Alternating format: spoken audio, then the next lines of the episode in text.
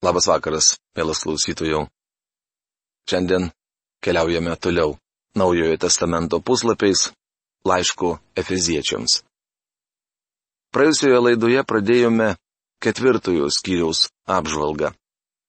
Šios skyriaus tema, aš ją dar kartą jums pakartosiu, yra Bažnyčia yra naujas žmogus, naujo žmogaus atskleidimas, naujo žmogaus susilaikimas ir draudimai naujam žmogui mes su jumis pradėjome nagrinėti potėme naujo žmogaus atskleidimas, bet mes jos nebaigėme. Taigi, prieš pratesdamas mūsų apžvalgą, norėčiau palengti galvą ir paprašyti viešpaties palaiminimo. Dangaus Dieve, mes dėkojame tau, kad šį vakarą po darbo dienos galime grįžti į savo namus ir įsijungti radio imtuvus atsiversti šventą įraštą ir tyliai, klausydami tai, kas šiandieną bus aiškinama, išgirsti tai, kad tu paruošiai kiekvienam iš mūsų, kiekvienam, kuris dabar yra prie radio imtuvų. Aš tavęs prašau, dangaus Dieve, kad tavo žodžio dvasia pasiektų kiekvieno žmogaus ne tik protą, bet nusileistų iki širdies gelmės ir kad mes netrukdytume tau darbuotis. Padėk mums išgirsti tave šį vakarą. O mano lūpoms prašau palaiminimo aiškinant žodį. Jėzaus vardu. Amen. Taigi, potėmė naujo žmogaus atskleidimas. Aš jums dabar perskaitysiu mūsų jau išnagrinėtas pirmasias tris eilutes ir mes pratesime apžvalgą. Taigi aš, kalinys viešpatyje, raginu jūs elgtis kaip dera jūsų pašaukimui, į kurį esate pašaukti. Su visų nuolankumu bei meilumu, su didžia kantrybė palaikykite tarpusavio meilę, uoliai sergėkite dvasios vienybę taikos ryšiu. Toliau Paulius išvardyja keletą vienybės pavyzdžių. Vienas kūnas ir viena dvasia, kaip ir esate pašaukti į vieną savo pašaukimo viltį vienas viešpats, vienas tikėjimas, vienas krikštas. Vienas Dievas ir Tėvas visiems, virš visų, per visus ir visuose. Efeziečiams laiško ketvirtos skyrius, ketvirta šešta eilutės. Pirma. Vienas kūnas. Tai visi tikintieji nuo sėkminių iki tos dienos, kai bažnyčia bus paimta iš pasaulio. Šis kūnas dar vadinamas neregimąją bažnyčią, tačiau toks apibūdinimas nėra labai tikslus. Visi tikri tikintieji šiandien turėtų būti regimi. Antra. Viena dvasia. Čia kalbama apie šventąją dvasę, kuri pakrikštyje kiekvieną tikintįjį į Kristaus kūną. Šventosios dvasios darbas vienyti tikinčiuosius Kristuje. Tikintieji turi sergėti šią vienybę. Trečia. Vieną savo pašaukimo viltį. Čia turima omenyje visų tikinčiųjų viltis. Mes būsime paimti iš šio pasaulio ir atsidursime pas Kristų. Tai palaimintoji viltis. Žiūrėkite laišką Titui, antras skyrių 13 eilutę. Ketvirta. Vienas viešpats. Tai viešpats Jėzus Kristus. Jo viešpatavimas tikinčiųjų gyvenime yra bažnyčios vienybės pagrindas. Penkta. Vienas tikėjimas. Tai tiesų visuma, vadinama apaštalų mokslu. Žiūrėkite paštalų darbų knygos antros skyrius 42 eilutę. Kai nesilaikoma šio mokslo, kyla susiskaldimas. Kad tikintieji prisirištų vienas prie kito, reikalinga speciali medžiaga. Ta medžiaga - apaštalų mokslas. Šešta. Vienas krikštas. Čia turimas omenyje tikrasis šventosios dvasios krikštas. Vandens krikštas yra apieiginis. Jis simbolizuoja tikrąjį šventosios dvasios krikštą, kuris suvienyje tikinčiuosius. Septinta. Vienas Dievas ir tėvas visiems. Dievas yra visų tikinčiųjų tėvas. Kadangi tai yra vienas tėvas, netikintiesiems jis nėra tėvas. Įsunystė įgyjama tik per Kristų, tikinčiųjų vienybė yra vienas iš pagrindinių skirtumų tarp tikinčių ir netikinčių žmonių. Dievas yra tėvas visiems atgimdytiesiems. Paulius kalbėjo apie bažnyčią Kristaus kūną, sujungtą su tuo, kuris yra danguje, Dievo tėvo dešinėje. Bažnyčia - tai naujas žmogus, tai slėpinys. Taip yra dėl to, kad ji Kristuje. Kai kurie žmonės įnikę į šias, sakytume, dangiškas tiesas, gali pasidaryti visai nenaudingi žemėje. Paulius stengiasi parodyti mums, kad mes vis dar gyvename labai piktame ir nuodėmingame pasaulyje. Diskusijoje apie tikinčiojo gyvenimą Paulius pirmiausia kreipėsi į kiekvieną asmeniškai. Kiekvienas tikintysis turi būti nuolankus ir romus.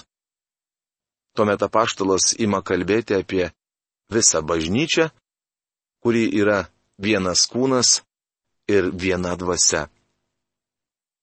Šis skyrių jis baigia Dievo prakilnumo ir transcendentalumo aprašymu. Dievas yra virš visų, per visus ir visuose. Tai reiškia, kad Dievas transcendentalus. Jis yra virš savo kūrinijos ir nuo jos nepriklauso. Dievui nereikia degonies, kad galėtų kvepuoti. Jam nereikia apsipirkti, kad savait gali turėtų ką valgyti. Dievas transcendentalus.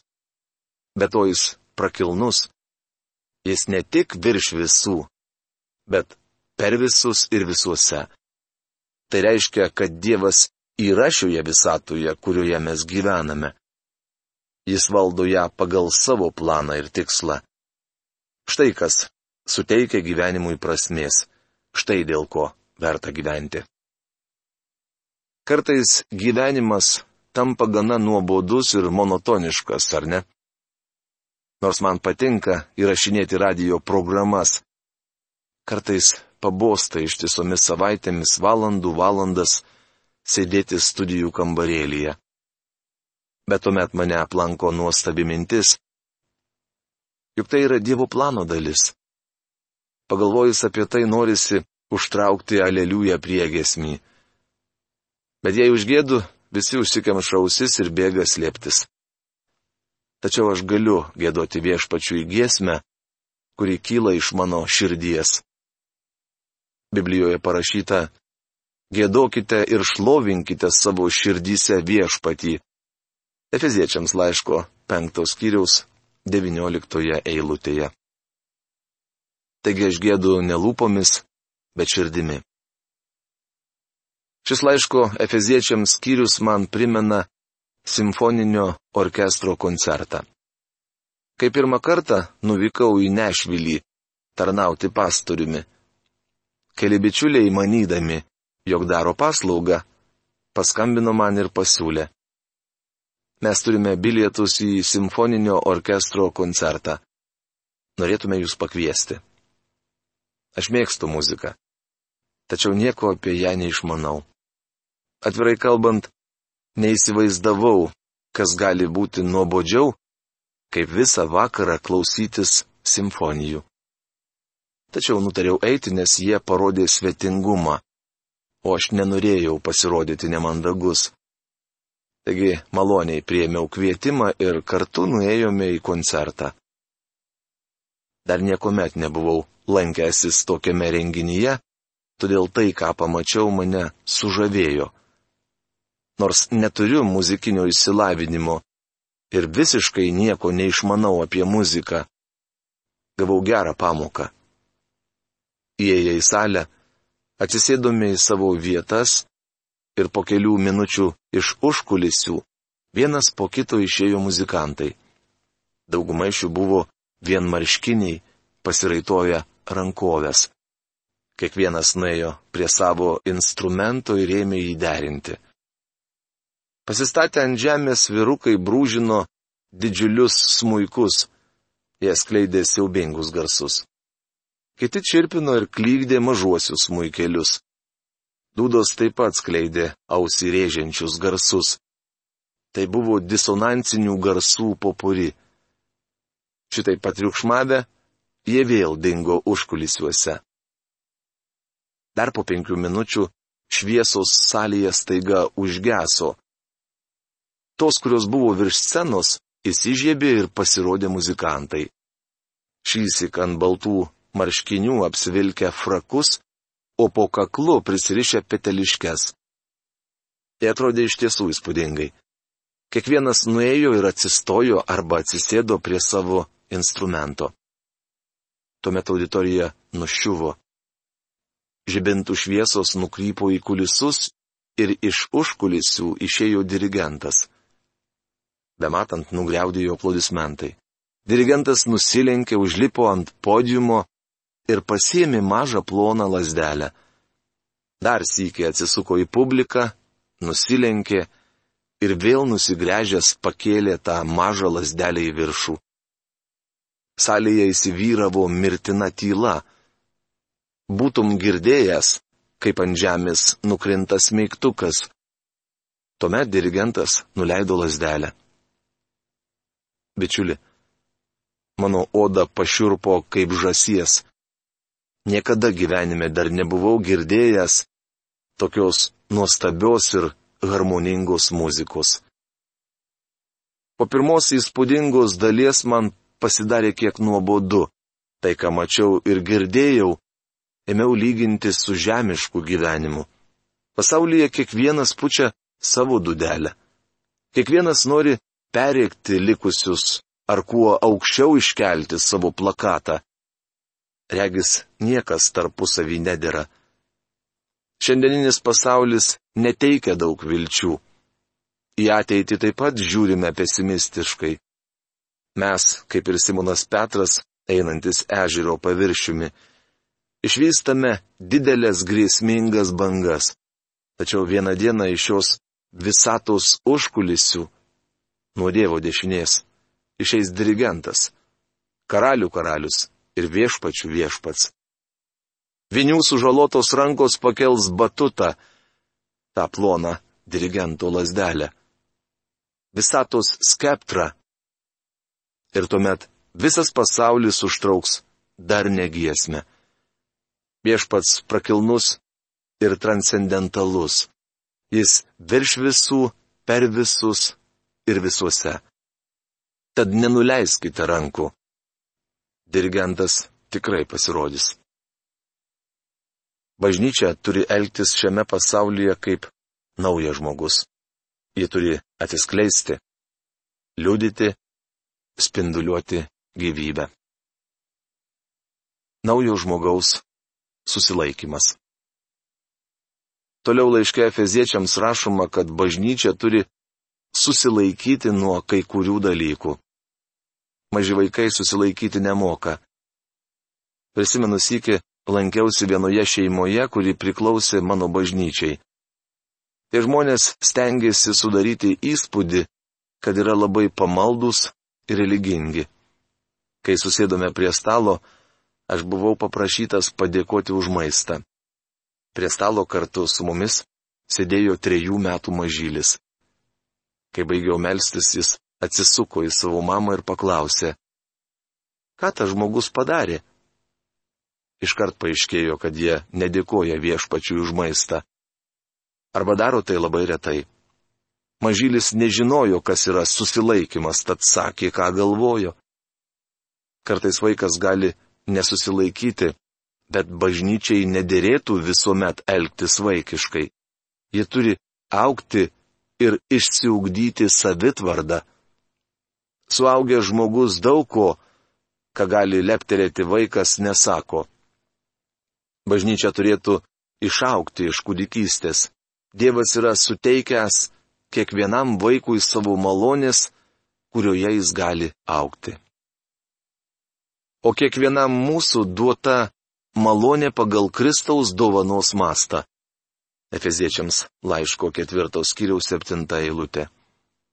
Kaip žinome iš laiško romiečiams 12 skyriaus ir pirmo laiško korintiečiams 12-14 skyrių, Dievas yra suteikęs tikintiesiems dovanų. Nors tikintiesiems reikia sergėti dvasiaus vienybę, tai nereiškia, kad visi yra lygiai tokie patys. Kiekvienam tikinčiajam duota dovana, kad jis tam tikrų būdų galėtų funkcionuoti tikinčiųjų kūne. Paulius rašo. Kiekvienam suteikiama dvasios apraiška bendram labui. Pirmas laiškas korintiečiams 12 skyrius 7 eilutė. Tai reiškia, kad dovana yra tam tikras šventosios dvasios veikimas per tikintįjį, įdant būtų statydinamas tikinčiųjų kūnas. Dovana turi duoti naudą visam tikinčiųjų kūnui. Ji nėra skirta tam, kad ugdytų jūsų dvasiškumą. Dovana krikščioniui suteikiama tam, kad jis galėtų funkcionuoti tikinčiųjų kūne ir būti palaiminimu bažnyčiai. Daugelis sako, daktarė Magi, mes bažnyčioje kalbomis nekalbame. Tai darome asmeniniuose pokalbiuose su Dievu. Remdamasis Dievo žodžiu tokiems žmonėms galiu kategoriškai pasakyti, kad jie klysta. Dovanos duotos tam, kad ugdytų bažnyčią. Jokia dovana neturi būti naudojama siekiant naudos savo. Iš tikrųjų tai, kas naudojama tokiu būdu, visai nėra dovana. Dovana suteikiama kiekvienam kūno nariui, kad šis galėtų užimti savo vietą kūne ir tinkamai funkcionuoti.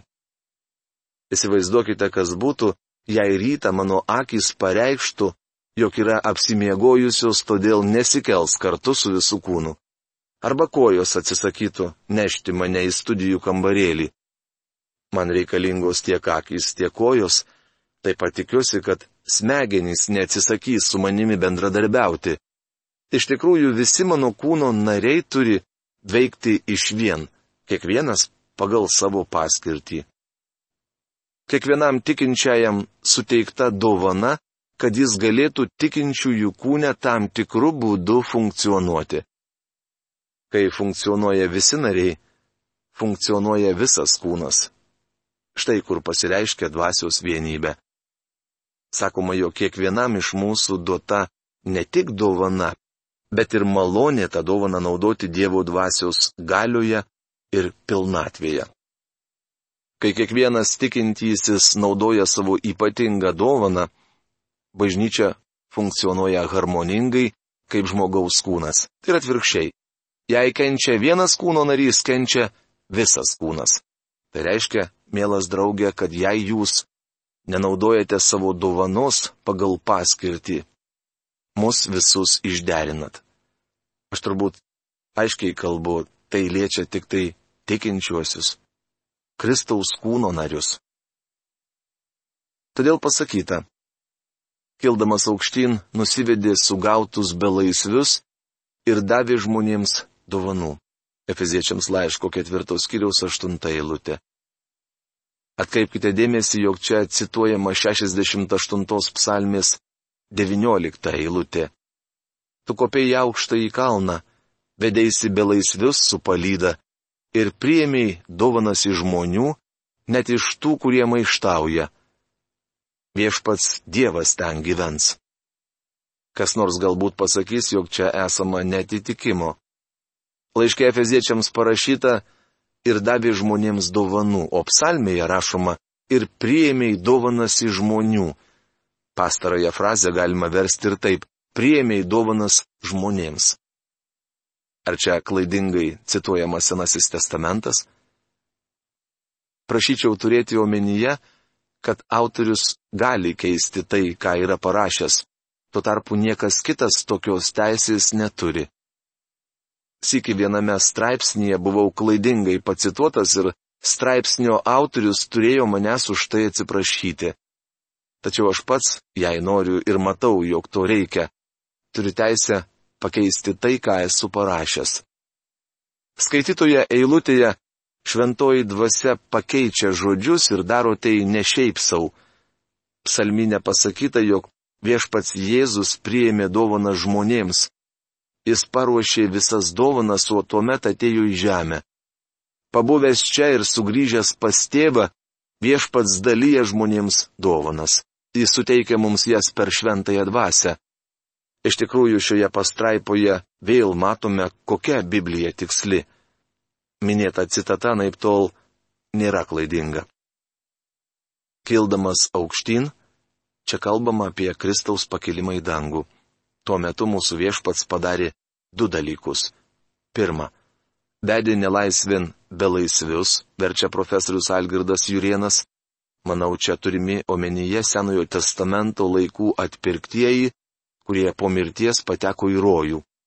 Pakildamas Kristus pasiemė iš rojaus šios tikinčiuosius su savimi pas Dievą. Mums sakoma, jog šiandien tikintysis po mirties patenka ne į rojų, bet palikęs kūno būstinę, įsikūrė pas viešpati Ir kas nesutinkate, galite pasižiūrėti į antrą laišką korintiečiams penktą skyrių aštuntą eilutę bei filipiečiams laiško pirmos skyriaus dvidešimt trečią eilutę. Ir antra, pakilęs į dangų Kristų žmonėms davė dovanų. Tai reiškia, kad jis suteikė dovanų gyviems bažnyčiai priklausantiems tikintiesiems, kad jie galėtų liudyti pasauliui. Vadinasi, Pakildamas Kristus ne tik nusivedė Senojo testamento laikų šventuosius pas Dievą, bet ir išlėjo savo dovanas per šventąją dvasę. Sėkminių dieną šventoji dvasia pakrikštijo tikinčiuosius į Kristaus kūną, o tuo met suteikė jiems tam tikras dovanas, kad jie galėtų funkcionuoti kaip kūno nariai. Šventoji dvasia kiekvienam nurodė vietą kūne. Ta patį daro ir šiandien. Mielas klausytojų, noriu paklausti tavęs. Ar nešioji savo širdyje šventosios dvasios anspaudą? Žvelgdami šitas šventojo rašto eilutes, kurias mes nagrinėjame, pamastykite ir pagalvokite, kaip jos jums tinka. Tik tai rašto šviesoje, ne žmonių moksle, bet rašto šviesoje galite pamatyti save tokį, koks iš tikrųjų esate. Jeigu jūs apie tai niekada negirdėjote ir nepriemėte Kristaus kaip gelbėtojo, aš jums siūlau nusisukti nuo savo nuodėmių dabar, tenais, kur jūs esate, atsiklaupkite prieš viešpati. Paprašykite atleidimo už tad, kad gyvenote sukilime prieš jį. Ir pakvieskite į jūsų gyvenimą kaip viešpati ir karalių, kad jisai ateitų ir įsiviešpatautų jūsų minčių ir troškimų pasaulyje. Kad jisai taptų jūsų valdovas. Tokiu būdu jūs įgysite šventosios dvasios dovaną. O tada aš jums pasiūlysiu susieškoti Bibliją tikinčią bažnyčią, kuris skelbė Dievo žodį šventosios dvasios galioje. Maitintis tuo žodžiu ir laukti viešpatės Jėzaus sugrįžimo. Pamastykite apie tai. O mūsų šios dienos laidos laikas baigėsi. Iki malonaus sustikimo. Sudė.